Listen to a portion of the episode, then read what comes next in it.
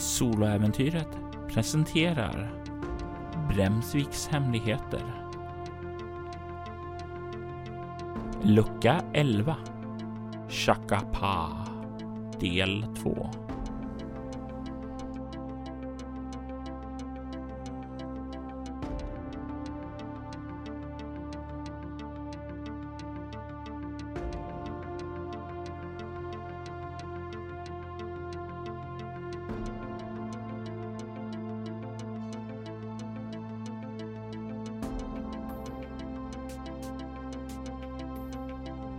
If you flee from the things you fear, there's no resolution.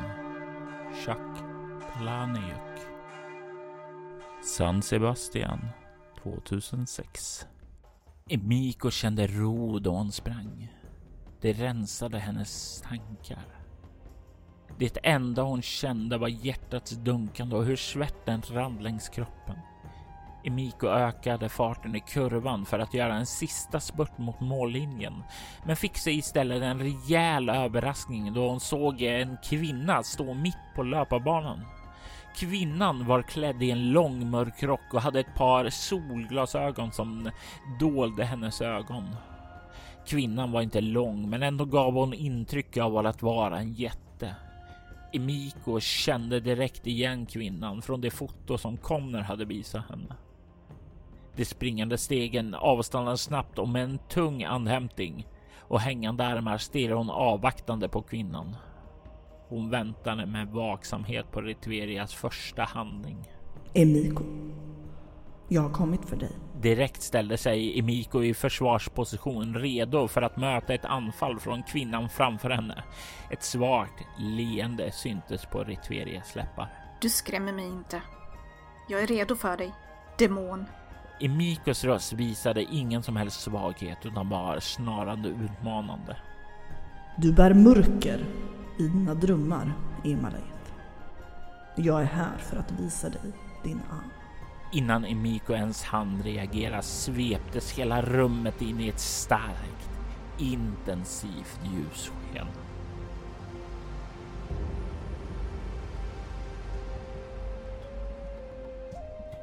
Andrew du har glidit upp ur den här hålan upp till vägen du kom. Du har kommit tillbaka till platsen där du hoppade in och när du har landat i gången och kollat tillbaka så är det annorlunda här inne. När Miklantukutlis inflytande över den här hålan är borta. Du kollar in i en liten vattenfylld grotta. Inte särskilt stor, kanske fyra meter från där du står in till den bortre väggen och den kanske sluttar ner en halv meter. Vatten har runnit in här, täcker det mesta av golvet. Det är lugnt, det är fridfullt här och inget spår av Miklantukutli finns kvar där. Jag vill att du slår ett ego okultism eller ett ego humaniora. Mm. Det blir okultism och ego så det är 6 plus 4 plus en tärning. 15. Du är rätt säker på att du kan dra dig till minnes att Miklantukutli var namnet på en av de aztekiska gudarna. Aztekernas dödsgud om du inte minns helt fel. Stärkt av den här känslan att betvingat en så här stor eh, gud som ändå dödsguden är så är jag ganska rakryggad när jag tar mig ur den här eh, hålan och ut i den friska luften igen. Natten har svept in över regnskogen och du stirrar ut över vad som var ett träsk tidigare. Men träsket finns inte kvar här. Du kan se en klar sjö istället. Den mörka ytan lyses upp av stjärnorna som gnistrar uppe på himlen. Det är en vacker stjärnklar natt och du känner dig stärkt. Det är inte många som kan räta på ryggen och säga att de har dödat en gud. Du kan återfå en bestående förlust och en skräcknivå. Ja. Då tar jag bort en chock och en i utstrålning. Du står utanför ingången och betraktar omgivningen. Vad är din nästa plan?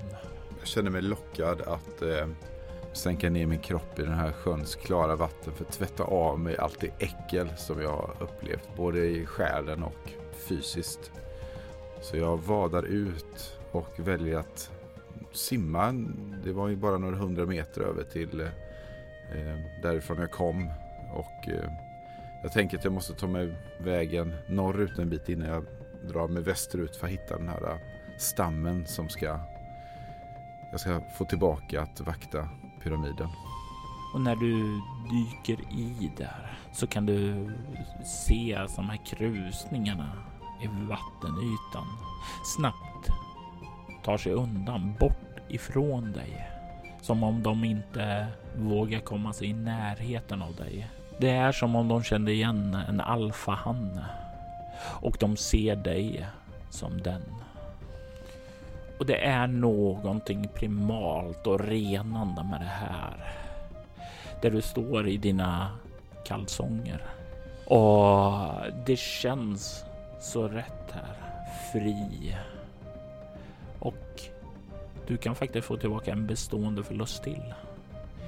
Det enda du inte kan få tillbaka den i är kropp. Eh, men då är det nog utstrålning i så fall. Som det här lugnet som kommer över mig och den här självsäkerheten eh, som växer tillbaka. Mm. Jag eh, ser mig eh, norrut, jag ser västerut. Jag ser eh, den här regnskogen och tänker att eh, det går ju fortare att ta mig över den än igenom den. Så jag tar ett djupt andetag, tar ett par trevande steg i en riktning och sen ökar jag farten för jag tycker det känns det känns som jag laddar min flygtur bättre om jag börjar löpande innan jag kastar mig uppåt mot eh, den stjärnklara himlen och ger mig av västerut. Jag tänkte säga att eh, för att hitta rätt riktning så behöver du slå ett ego överlevnad. Men det är någonting du slipper att göra när du tar dig upp i luften och får en tydlig översikt och kan ana längre bort åt väst att det lyser eldar borta ifrån vad som verkar vara ett litet samhälle. Vilken egenskap tar du en bestående förlust i när du låter vindarna viska ditt namn? Jag tänker att jag börjar ju behärska det här nu så det är inte nödvändigt att det är utstrålning som tar. Utan det är om det är i ego på något vis eh, som det är ju så att det kan manifestera sig i huvudvärk. Allt det, ditt sinne blir lite slöare, lite luddigare. Men av all det här adrenalinet och endorfinerna som jag får av den ganska det är en ganska utomkroppslig upplevelse nästan att flyga ju. För det är inte naturligt. Eh, så det gör att jag blir lite, lite sinnesslö i min, i min skärpa så att säga. Så jag tar en förlust i ego. Du kan glida över natthimlen fram emot de här eldarna som lyses upp långt där borta. Hur vill du närma dig byn? Var vill du gå ner? Hur långt ifrån? Nej, jag är ju ute på ett heligt uppdrag. Jag kommer sikta på den mest centrala upplysta platsen. Är det eldar som brinner och ett torg eller liknande folksamling så siktar jag på den. Ehm, ju mer eh, viktig plats som det är Eh, för det, jag, skulle, jag, är, jag är ett sändebud. Jag kommer ju komma dit och säga att de ska gå tillbaka och vakta den här pyramiden. Och de kommer vackert följa mitt, eh, min order för den kommer från en högre makt. Så full av mig själv är jag. Jag tänker som så att du kan få slå ett utstrålning interaktion för att göra ett intryck. Och grejen med Gnosis, det ger inte bara tillgång till krafter utan det kan ge modifikationer på slag, nämligen din Gnosis gånger två på ett slag. Och eftersom du har ett i Gnosis får du därför plus två på det här slaget. Och om du vill lägga på någon maffig beskrivning på hur du landar kan du få ytterligare bonus på slaget. Men jag ser ju den här äh, Eh, centrala delen av den här byn där eh, det verkar vara folk som samlats. Eh, och min plan är ju lite riskfylld att jag kommer gå ner och i princip kommer jag ju släcka ut antingen om det är en eld eller ett eldfat när jag landar och jag kommer liksom gå ner eh, helt ogenerat bara bara liksom med nästan som en dunst vet jag landar nästan lite hårt så att det blir nästan som eh, dammoln runt mig och den här eldgnistan kommer bara flyga och fara överallt. Och jag kommer med en bullrande stämma eh, förkunna att eh, Följ mig och uppfyll ditt öde. Ni har förutmjukat er gudinna allt för länge. Du kan få ytterligare plus två där, så plus fyra på slaget sammanlagt. Och då slår jag en femma, så jag får 13. Det är ett marginellt lyckat slag. Du sveper ned där i vad som verkar vara någon typ av eh, festligheter. Du hör trummorna signalera rytmer som folket verkar dansa till och det verkar som om det är en väldigt god stämning tills du anländer som en sann festförstörare. Du sveper ned från himlen. Det är någon som lägger märke till och ropar ut rätt i luften och du kan se nästan hur alla stannar av, kollar upp emot dig när du sveper ned från himlen landar. Det blir som så att dammet yr upp och eh, eldarna här i centrum då släcks och gnistrorna slår upp där och en tystnad lägger sig över byn. Och det är liksom de kollar på dig med stora öppna ögon. Du kan ju se att ditt skinn liknar ju inte alls deras. Du ser ju väldigt främmande ut för dem.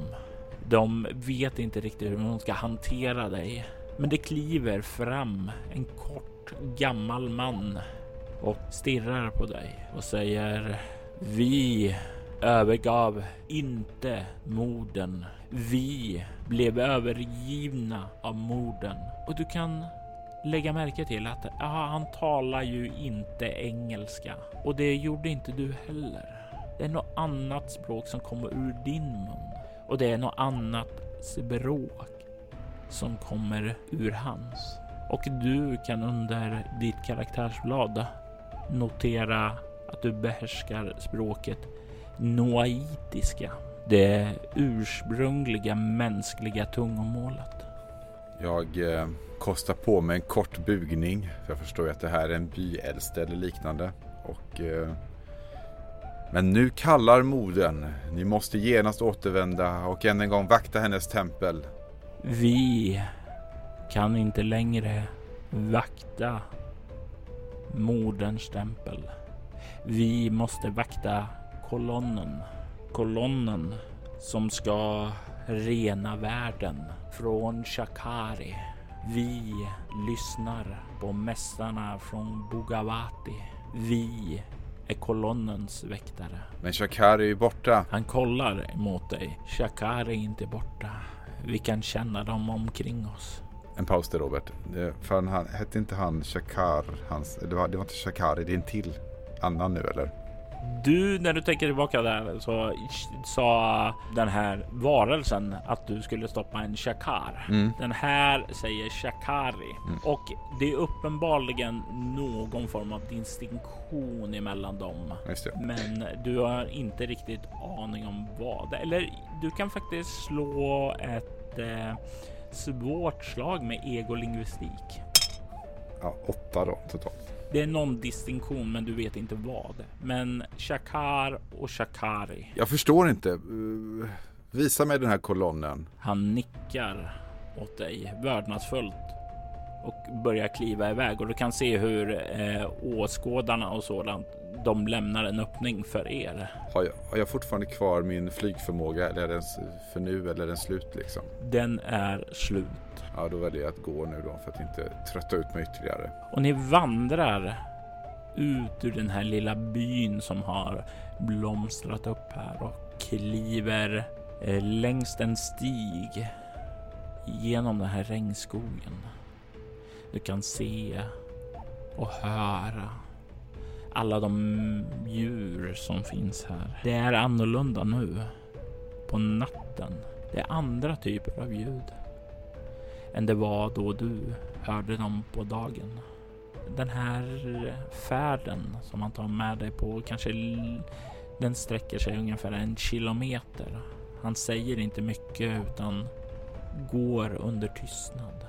Väldigt allvarsam min. Och du kommer snart fram till en eh, plats där du kan se två väktare som verkar stå där med spjut. Men de kliver undan när de ser er två. Eller den här mannen i alla fall.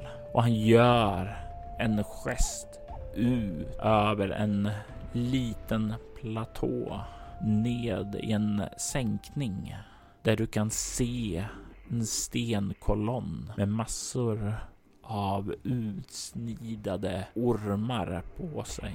Och du kan känna här uppifrån när du kommer dit att det är en stark kraft ifrån den.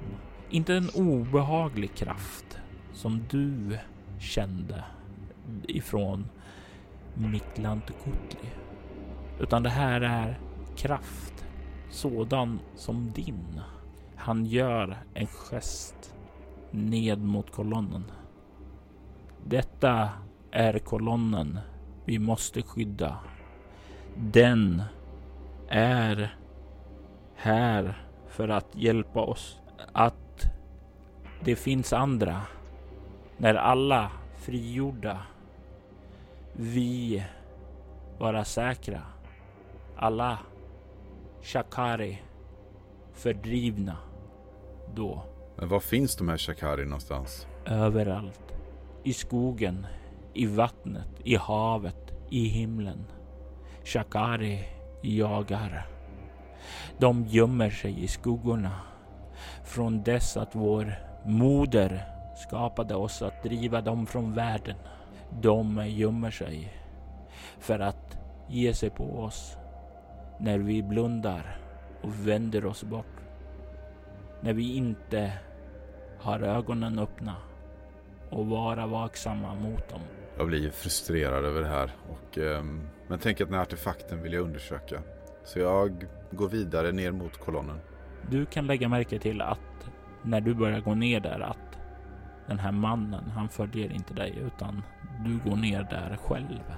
Jag, eh, mitt mål är att komma nära och eh, den här kraften kittlar mig och gör mig nyfiken. Och eh, man säger att ju, faran finns där överallt omkring oss. Så ja, det är, det är något märkligt det här. Du kommer ned.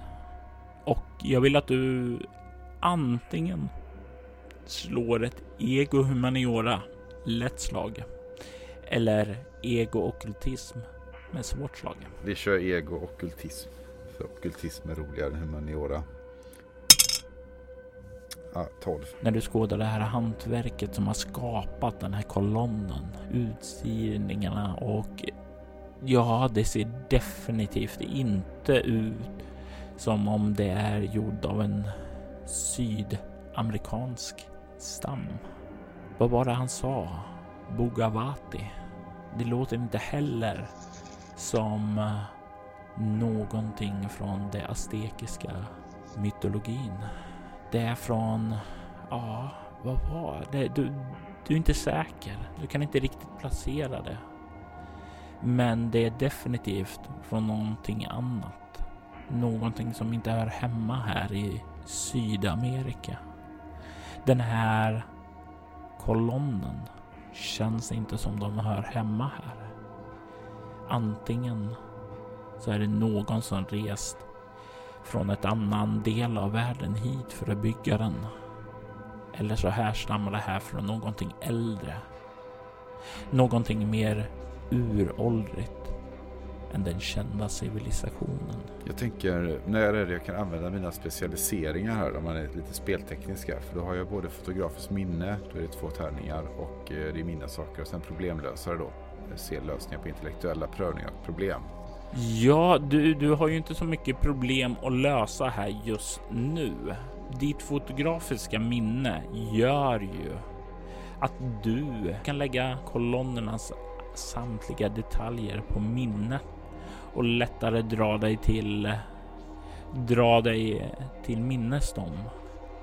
Då du har möjlighet att göra bättre research i biblioteket och liknande.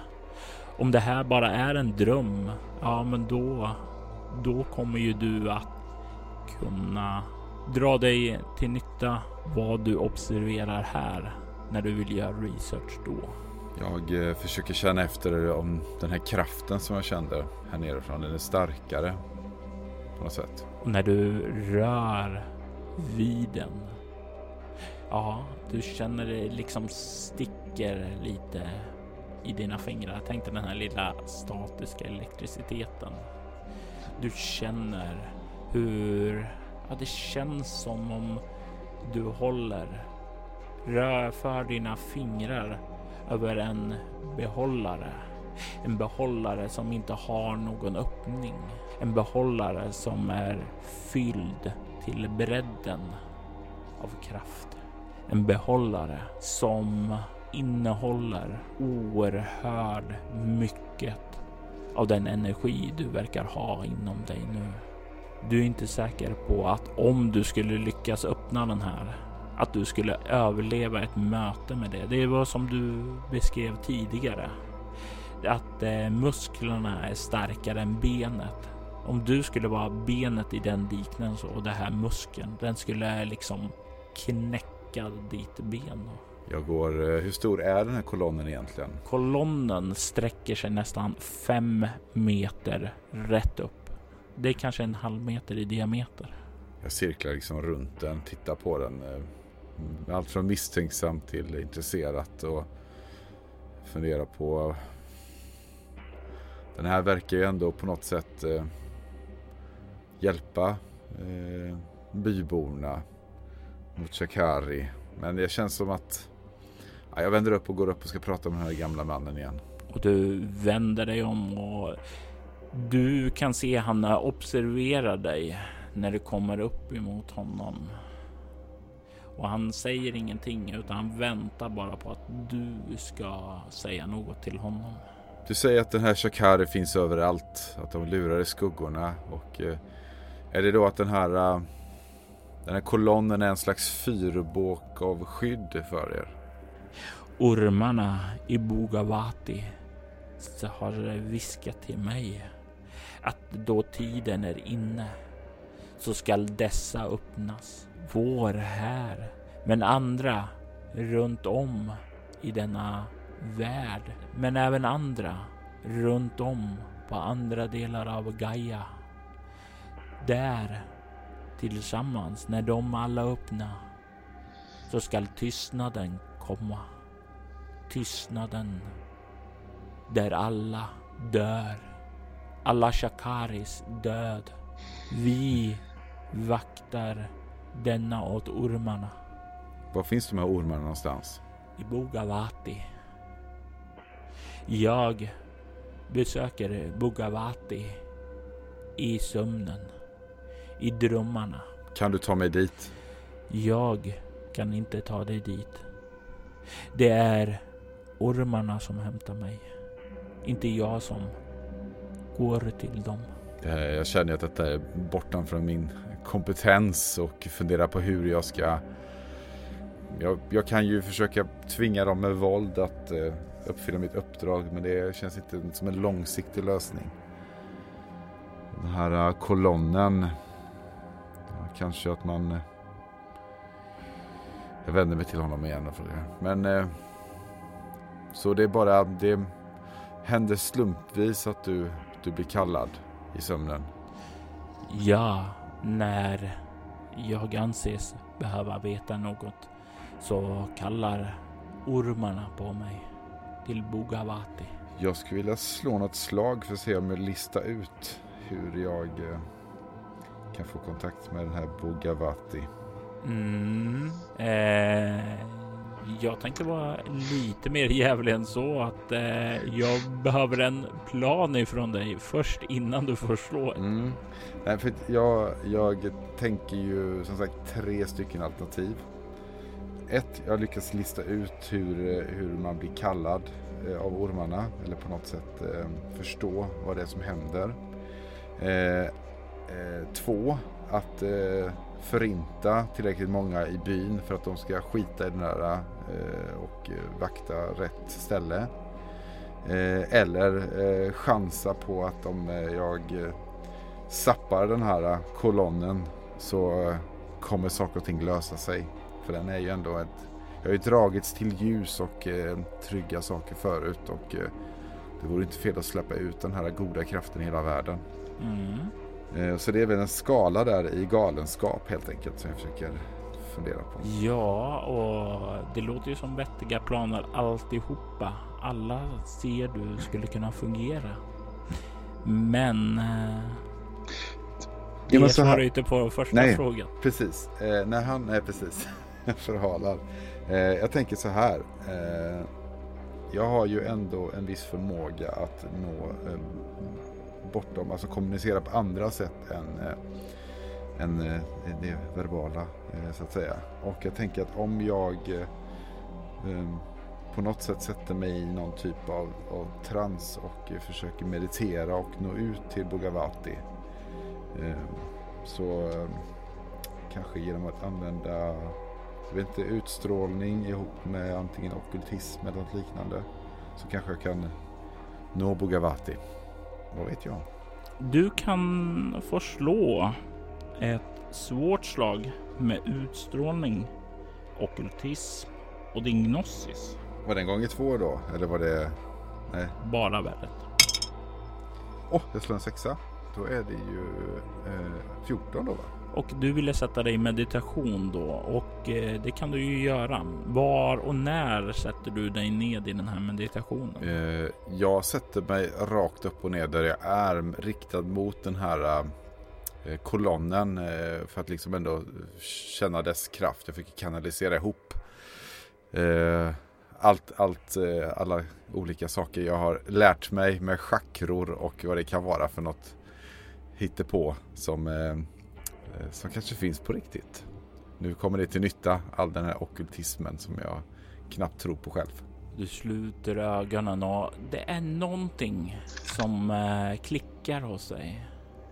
Att när du sätter dig och mediterar så är det som om den här kraften inom dig, den hjälper dig att fokusera, att komma i harmoni med sig själv.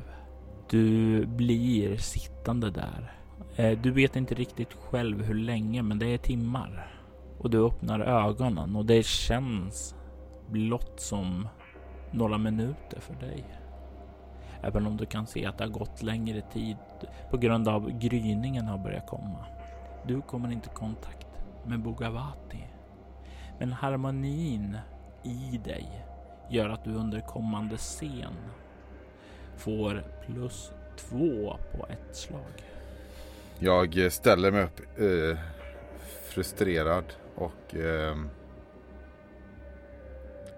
vänder mig mot den. Är han kvar förresten den här mannen? Har han tålmodigt väntat på mig i min meditation? Han har slagit sig ned vid din sida och suttit lik dig.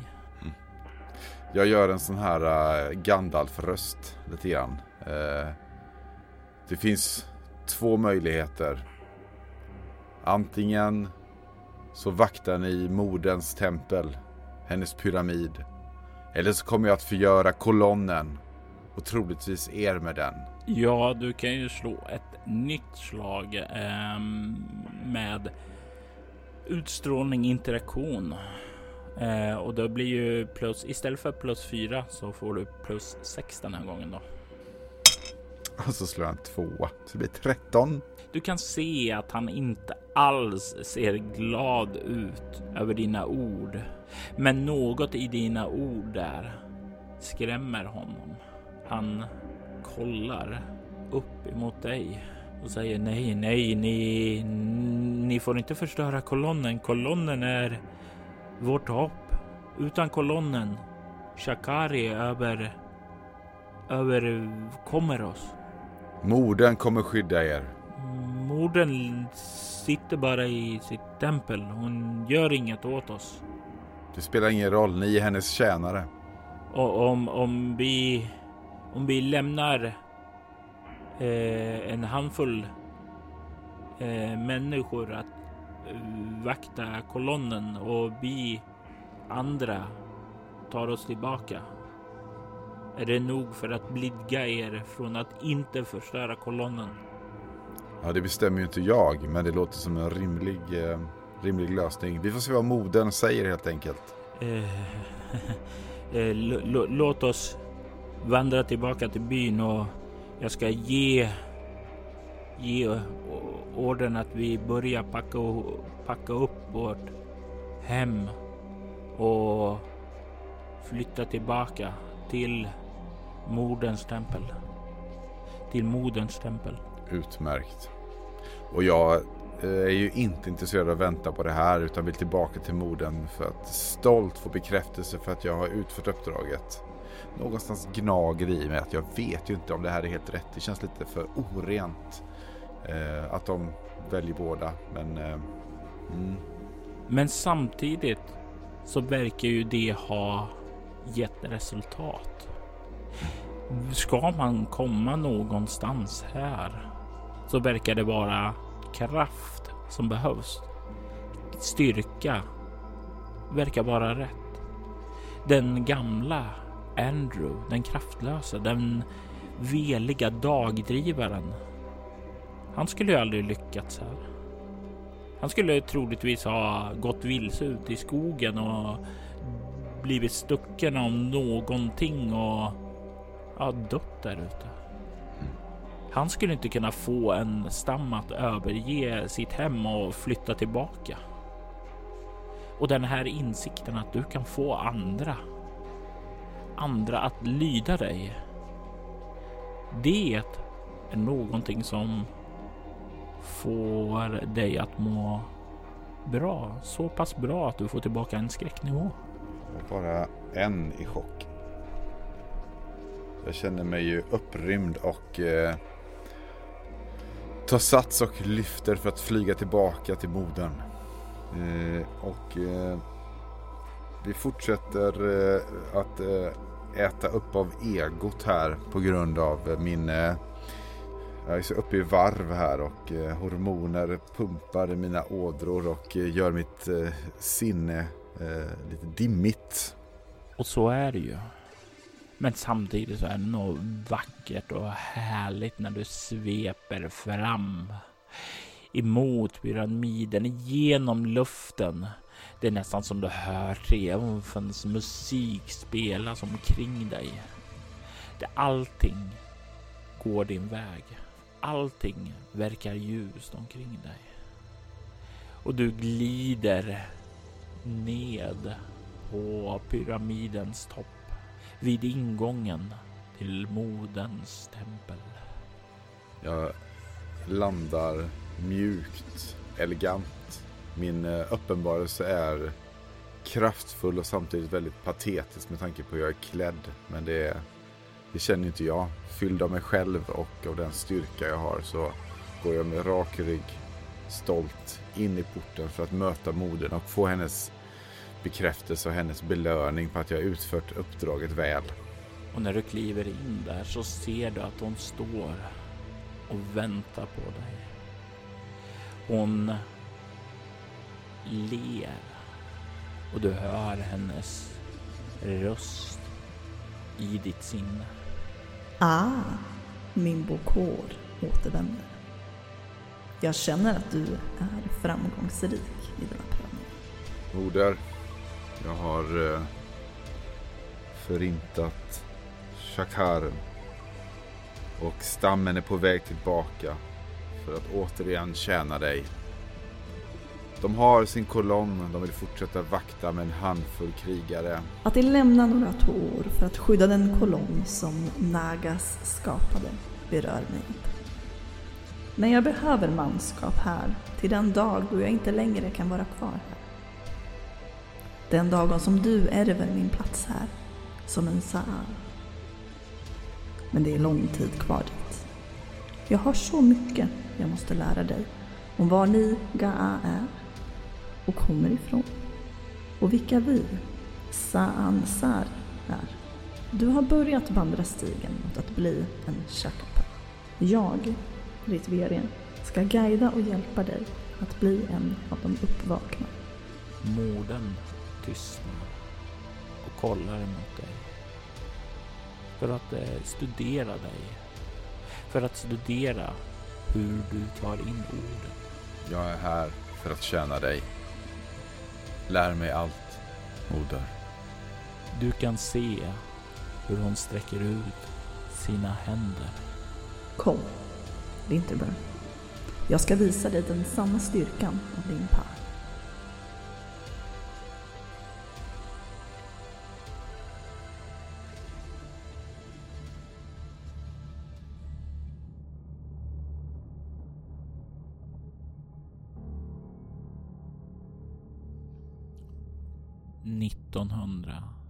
1987 På okänd plats i Irland. En stormig, mörk natt. Himlen lyses upp av den fullmåne som lyser över trakten. Skogen prasslar av vinden och ett ljus syns utanför ett fönster en stuga djupt inne i den här skogen. Långt borta ifrån all civilisation. En radio skrålar någon form av musik på nedervåningen. Där en ganska överviktig, svettig man sitter i ett linne och ett par skitiga jeans. Han sitter framför köksbordet och rengör sitt gevär. Han är ensam i det här huset. I alla fall är det så samhället tror det är. Vad samhället inte vet är att det är två våningar upp på vinden lever en annan person.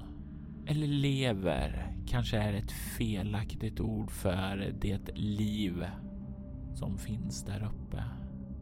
Den åttaåriga flicka ligger på en ganska skitig madrass under en tunn filt med kedjor runt handlederna fästa i väggen.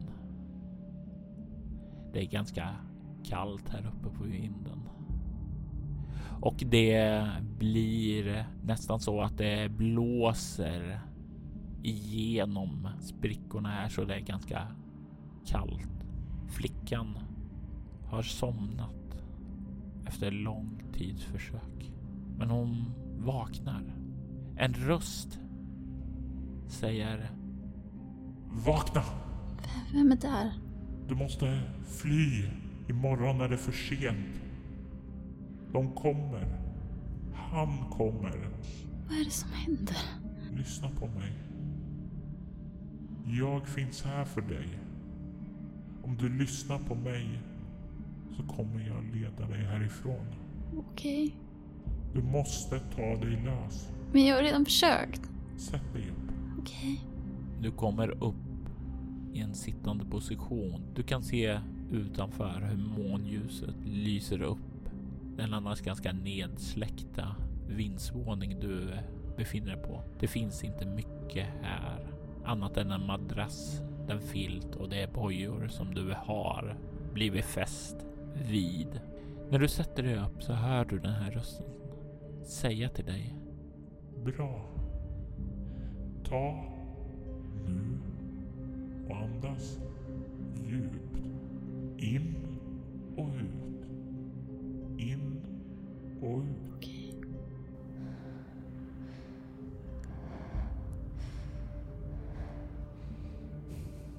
Vad gör jag nu? Lägg händerna nära varandra. Okej. Backa bakåt så du får en spänd kedja. Mm. Om du rycker i den här positionen så kommer du att släppa. Tänk, tänk om man hör mig. Gör det lugnt. Ett snabbt ryck. Försök lyssna när det händer någonting där nere. Okej. Du rycker till och jag vill att du slår ett kropp. Absolut. Nio. Du känner att det knakar till och du ser hur två stycken av de här muttrarna som sitter Två stycken av de här muttrarna som håller fast den här stålplattan där ger vika. Och du kan höra då plötsligt där nere hur någonting brakar till. Vad gör du? Fortsätter du rycka eller stannar du till? Jag stannar till och lyssnar. Nej, ryck nu! Oh, okej, okej. Och det Rycker. knakar till och du hör nere just när det far loss hur det där tystnar där nere också. Kedjan ligger på madrassen. Du är fri. Eller ja, du är fri från väggen i alla fall. Du har en lång kedja där. Ta dig ut. Var försiktig. Okej. Jag börjar kolla mig runt. Du ser här, tack vare månskenet, att det lyser upp de två vägarna du vet finns att ta sig ut. Det här fönstret. Det är ganska litet. Det är så här runt med ett kors igenom där. Mm. Men det är inte gjort av järn eller något sådant utan det är gjort av trä. Det skulle kunna gå att försöka forcera upp. Okej. Sedan finns det en ja, lucka ned till huset. Det är en både tryggare och mer farlig väg. Du kommer där att komma närmare den svettiga man som har hållit dig fången här så länge du kan minnas. Men det är också betydligt tryggare än att försöka ta sig ut här på väggen på det här höga huset mitt i skogen. Det är två dåliga vägar ut. Jag eh, kollar om det finns tyg. Tillräckligt mycket tyg. Lakan. Eller om jag kan göra det till ett rep. För att jag är för rädd för att gå igenom luckan. Du har inte något lakan till madrassen. Utan det är bara en filt. Den räcker inte ner. Inte ända ner. Men den skulle kanske räcka ned en våning. Och du kan här uppifrån se när du stirrar ner att det finns en balkong där nere. Det är inte någon snö ute. Nej. Vart bedömer jag att balkongen går till? Ja, vad skulle den kunna gå till? Dina minnen, när du börjar försöka minnas tillbaka så är det som du bara stirrar in i ett stort mörker. Dina första minnen är här. Så länge du kan minnas så har du varit i kedjor, hålls av den här mannen. Men nu kikar ner där, du kan se att det står eh, något bord, någon stol. Kan också se att det ligger framme någon bok. Och det, står någon gammal whiskyglas och whiskyflaska där. Och du bara ser det där så känner du den här doften. Doften från honom. Hur han brukar vara full. Full av den här whiskyn han kommer upp. För att slå dig och kalla dig för saker. Oren, ovärdig, ett monster. Jag um, biter mig i läppen och inser det att jag måste ta luckan. Hur rädd jag än är så är det kanske det säkraste alternativet. Du kommer fram till luckan. Darrar lite lätt på handen. Hur försöker du öppna den? Du kan se att det verkar finnas ett sånt här rep som eh, sitter och man drar liksom upp den i vanliga fall. Mm. Jag um, trycker lite lätt på den. För att se om den går att trycka neråt. Du trycker det där. Jag vill att du slår ett nytt kroppsslag. Okej. För att den inte ska falla ned. Åh. fem. Eh, så nio. Du känner hur den är på väg att falla nedåt med brak, men du lyckas fånga tag i den och det låter inte särskilt mycket när den kommer ned och du kan fälla ned den här trappan. Du ser ned i en mörk korridor. Finns det någon slags tillhygge? Jag vet att jag bara är ett barn men jag tänker inte gå, gå ner utan en fight i alla fall. Så, finns det någonting? Du kikar ned här uppifrån i korridoren efter det. Du kan se att det verkar finnas två dörrar till vänster som verkar leda till rum Okej. och en dörr åt höger som troligtvis leder in till ett badrum.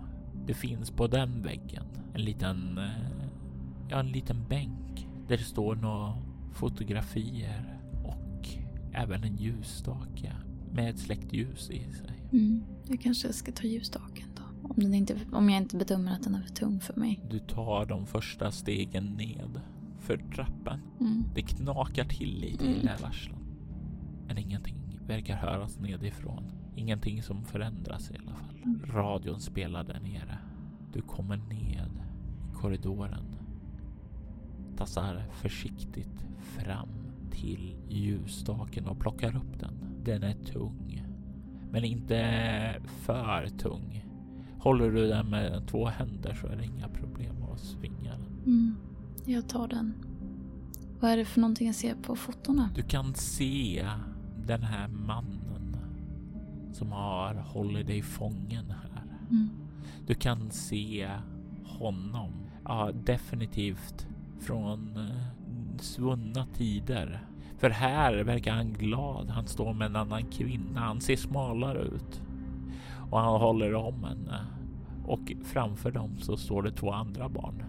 De ser lyckliga ut. Ett familjefoto. De ser inte ut att ha fått den vrede som han verkar känna emot dig. De verkar inte ha fått höra de hårda ord som han brukar använda emot dig när han slår dig Mm. med nätterna då hans alkoholism är som värst. Mm. Hur känns det att se din plågoande, din fångväktare i ett annat sken? Ett sken där han är lycklig och med andra barn. Jag känner mig illamående. Jag vill spy men det finns inte så mycket i min mage att spy upp. Det, det är en obehaglig, orolig känsla i, i mig. Du kan se hur korridoren lyses upp av ett starkt ljussken. Det blixtrar ner utanför och kort därefter hör den här också åskknallen. Och eh, det skallrar nästan i fönstren. Utanför har regnet börjat falla. Jag går tillbaka till stegen och fäller upp den igen. Den knarrar till lite men eh, nu när regnet har börjat falla så känns det ändå som det är ganska väl dolt ändå. Du behöver inte slå ett slag för det. Har jag ändå gjort en bedömning av att han är på någon, den nedre våningen? Du hör radion i alla fall och du minns från tidigare kvällar att eh, han brukar stänga alltid av den när han går och lägger sig och det har han inte gjort ännu. Nej. Då vill jag gå och kolla i ett av de här rummen. Den som är närmast först. Du kliver fram där. Jag ställer, ställer ifrån mig ljusstaken på golvet så länge jag öppnar dörren. Du kollar in i en barnkammare. Du ser en barnsäng och det hänger någon sån här mobil ovanför den. Alltså en sån här babymobil. Ah, ah, ah. Du kan se att det går i en sån här typisk babyblå inredning. Det finns ett flertal olika mjukisdjur här. Det finns ingenting användbart för mig här. Samtidigt som jag känner ett starkt behov av att bara förstöra det här rummet så, så går jag ändå ut. Du är just på väg att komma ut. Då du hör rösten igen. Han kommer. Nej. Okej. Han kommer. Göm dig nu.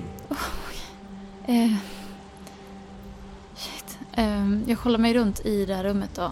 För jag är väl där fortfarande. Ja, Jag stänger dörren och sen så finns det någon garderob eller någonting. det finns en garderob. Jag hoppar in i den. Du hör fotstegen komma upp. Helvete också. Ljusstaken. Fuck, fuck, fuck. Du hör hur fotstegen börjar komma.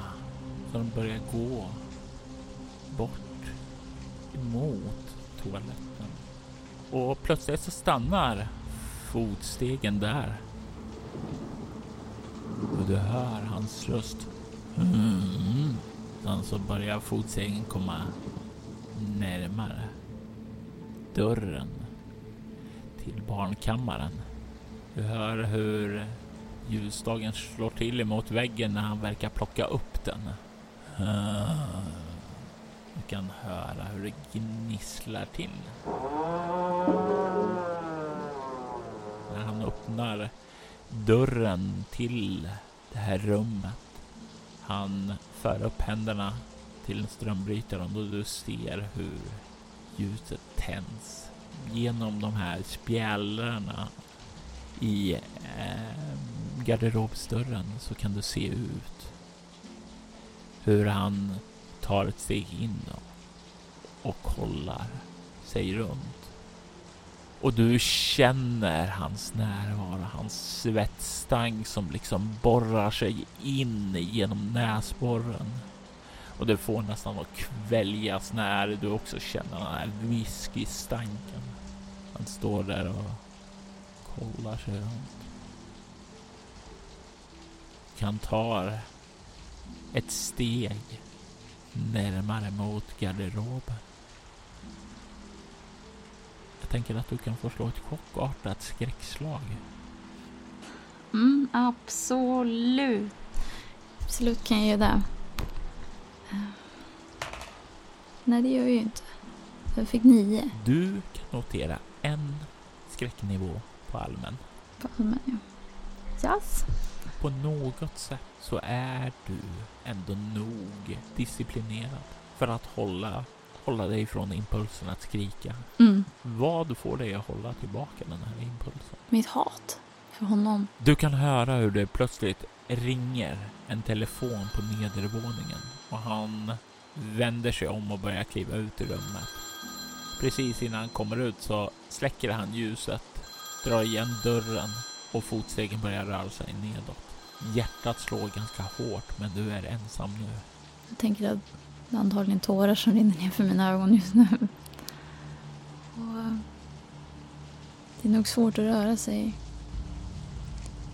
Men eh, jag samlar mig och eh, går snabbt mot dörren. Och lyssnar. Här inifrån, inifrån rummet så kan du höra ett mumlande ljud från nedervåningen när han verkar tala i telefon. Okej. Ja, men då, då öppnar jag dörren lite grann.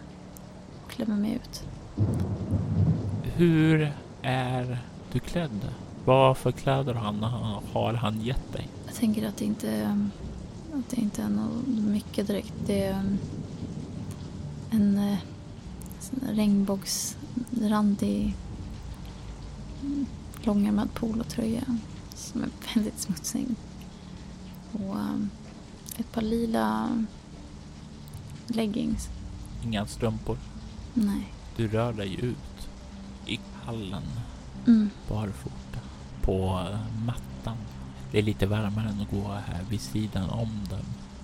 Där det är ett kallt trägolv. Mm. Det låter mindre också. Du kan höra nerifrån. Ja, jag vet. Eh, hon, är, hon är under kontroll. Eh, du kan komma imorgon. Ja, ja, jag vet, jag vet. Eh, jag har ordnat allting inför det. Hon, hon, hon, hon kommer vara redo. Jag vet att jag måste hitta kläder om jag ska kunna gå härifrån för att som sagt jag har inga skor. Jag måste eh, hitta någonting. Så eh, för även om jag kommer härifrån så kommer jag inte ha ett skor. Jag vet inte ens vart jag är. Så jag kollar nästa rum. dörren glider upp och du kan se in i ett stort sovrum här. Rummet är, ja, det upptas till stor del av en eh, dubbelsäng. Med nattduksbord på båda sidorna och du kan se en stor eh, garderob framför den. Mm.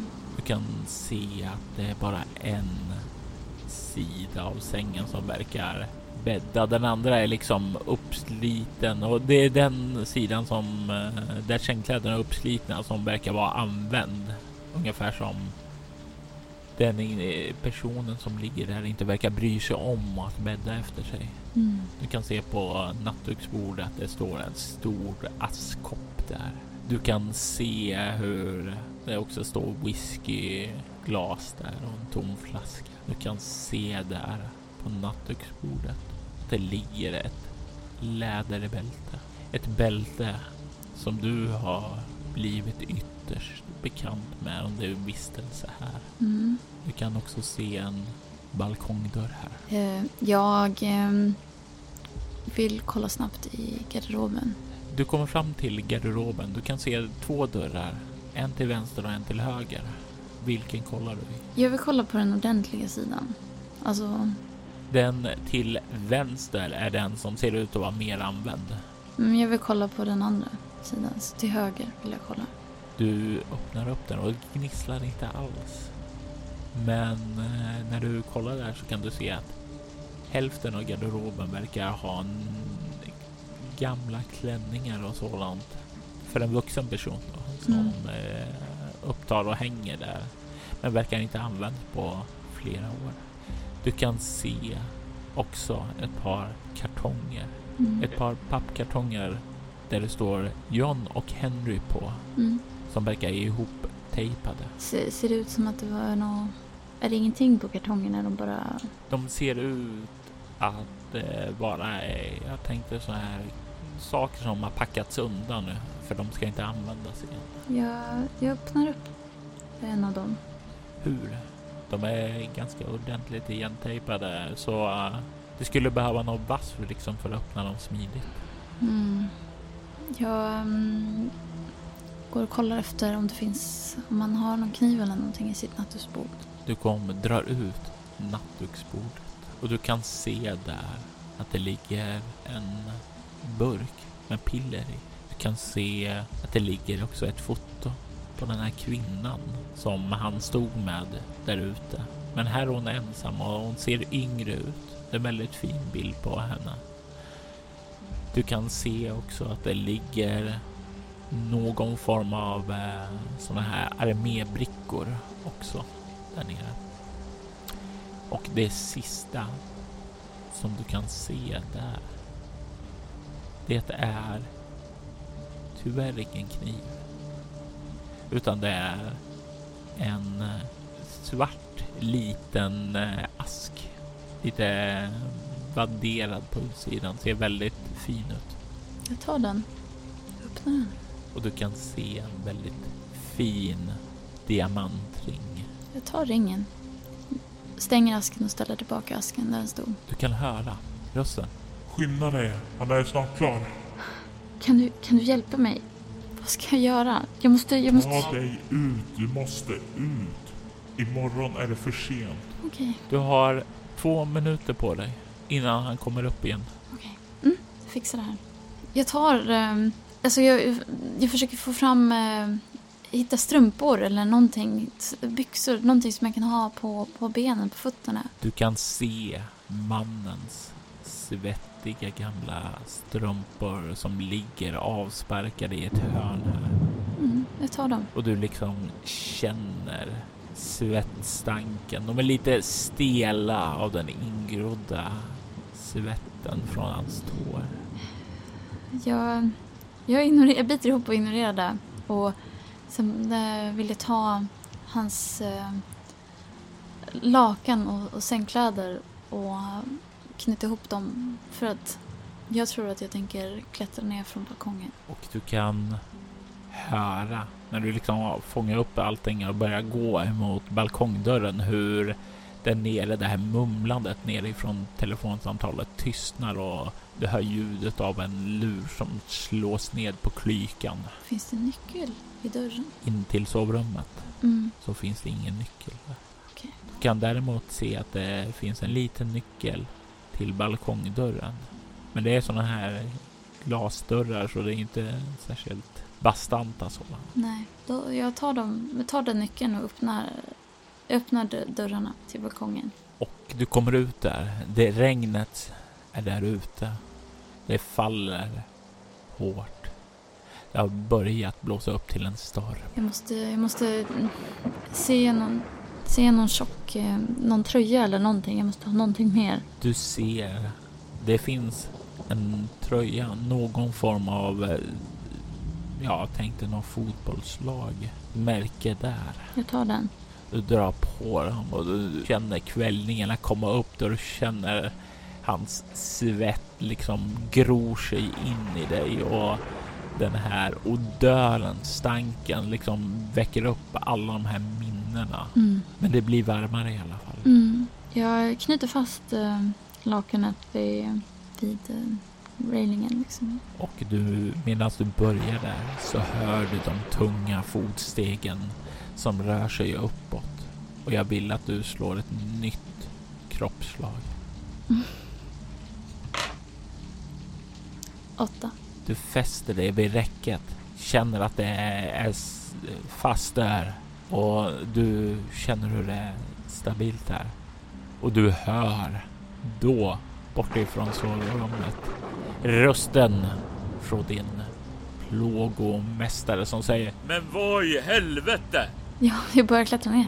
Slänger mig ner. Slå ett kropp rörlighet. Helvete. Ja, ja, men jag kör. Tolv. Du börjar snabbt ringla dig nedåt där. Du kan höra han vänder sig om och börjar springa ner för trappen. Och eh, du kommer ner på den leriga marken. Du liksom sjunker ner i dina fina nya strumpor där och eh, du känner regnet smattra mot den här fotbollströjan du bär. Och på något sätt så känns det faktiskt lite bättre för det kommer att skölja bort svetten, hans svett där inne. Du hör rösten som säger Skogen! Nu! Ut i skogen! Jag rusar. Du kan höra hur ytterdörren slås upp och han vrålar. Kom tillbaka! Kom tillbaka hit din lilla förbannade flickjävel! Du rusar. Du hör rösten. Säger Svänga! Jag gör som rösten säger. den verkar vägleda dig. Du hör plötsligt hur det smäller av ett gevärsskott efter dig. Jag skriker till. Du kan höra hur ett nytt gevärsskott smäller till kort därefter. Och du hör rösten säga Tyst! Han vet inte var du är tyst. Håller för munnen. Du kan höra avlägset. Han skriker. Tillbaka! Det här är bara för allas bästa! Kom hit! Och du kan höra hur rösten blir allt mer avlägsen. Som han vandrar bort ifrån dig. Han börjar leta efter det på fel ställen. Du ligger där tätt intill en trädstam. Blöt, genomvåt av regnet. Du är lerig. Du är kall och huttrar. Men han verkar inte följa efter dig längre. Frågar om rösten är kvar. Där? Dina ord kommer darrande fram. Men det enda svar du får är tystnad. Du är ensam. Ensam. En stor, mörk och hotfull skog. Genomvåt, kall, huttrandes. Du är fri. Frågan är bara om du kan ta dig härifrån. Om du kan överleva länge nog och finna skydd. Eller om vädret eller mannen ska ta ditt liv. Chakapa var ett äventyr skrivet av Robert Jonsson som även spelade, redigerade och ljudlade detta avsnitt. Spelare i detta avsnitt var Jörgen Niemi, som Andrew Winterburn och Frida Fransén som Jenny Dedannan. Övriga roller i detta avsnitt var Regina Backlund som Ritveria och Louise Sjöberg som Emiko Nakajima. Bremsviks hemligheters vignettmusik gjordes av Marcus Linder. Övrig musik i detta avsnitt gjordes av Adrian von Ziegler, Shrine, Derek and Brendan Fichter, Lisa Listby, Ager Sonus, Marcus Linner och Andreas Lundström. Shrine, Lisa Listby och Agerisonus ges alla ut av Cryo Chamber. Spana gärna in Cryo Chambers hemsida i någon av länkarna som du finner i avsnittet. Där finner du en massa spännande, fantastisk och atmosfärisk stämningsmusik för dina rollspelsmöten. All musik i avsnittet används med tillstånd. Mer information om rollspelet Bortom hittar du på bortom.nu och mylingspel.se. Följ gärna soloäventyret på Instagram och Twitter under namnet Spela Bortom eller på Facebook som Soloäventyret. Tack för att du har lyssnat.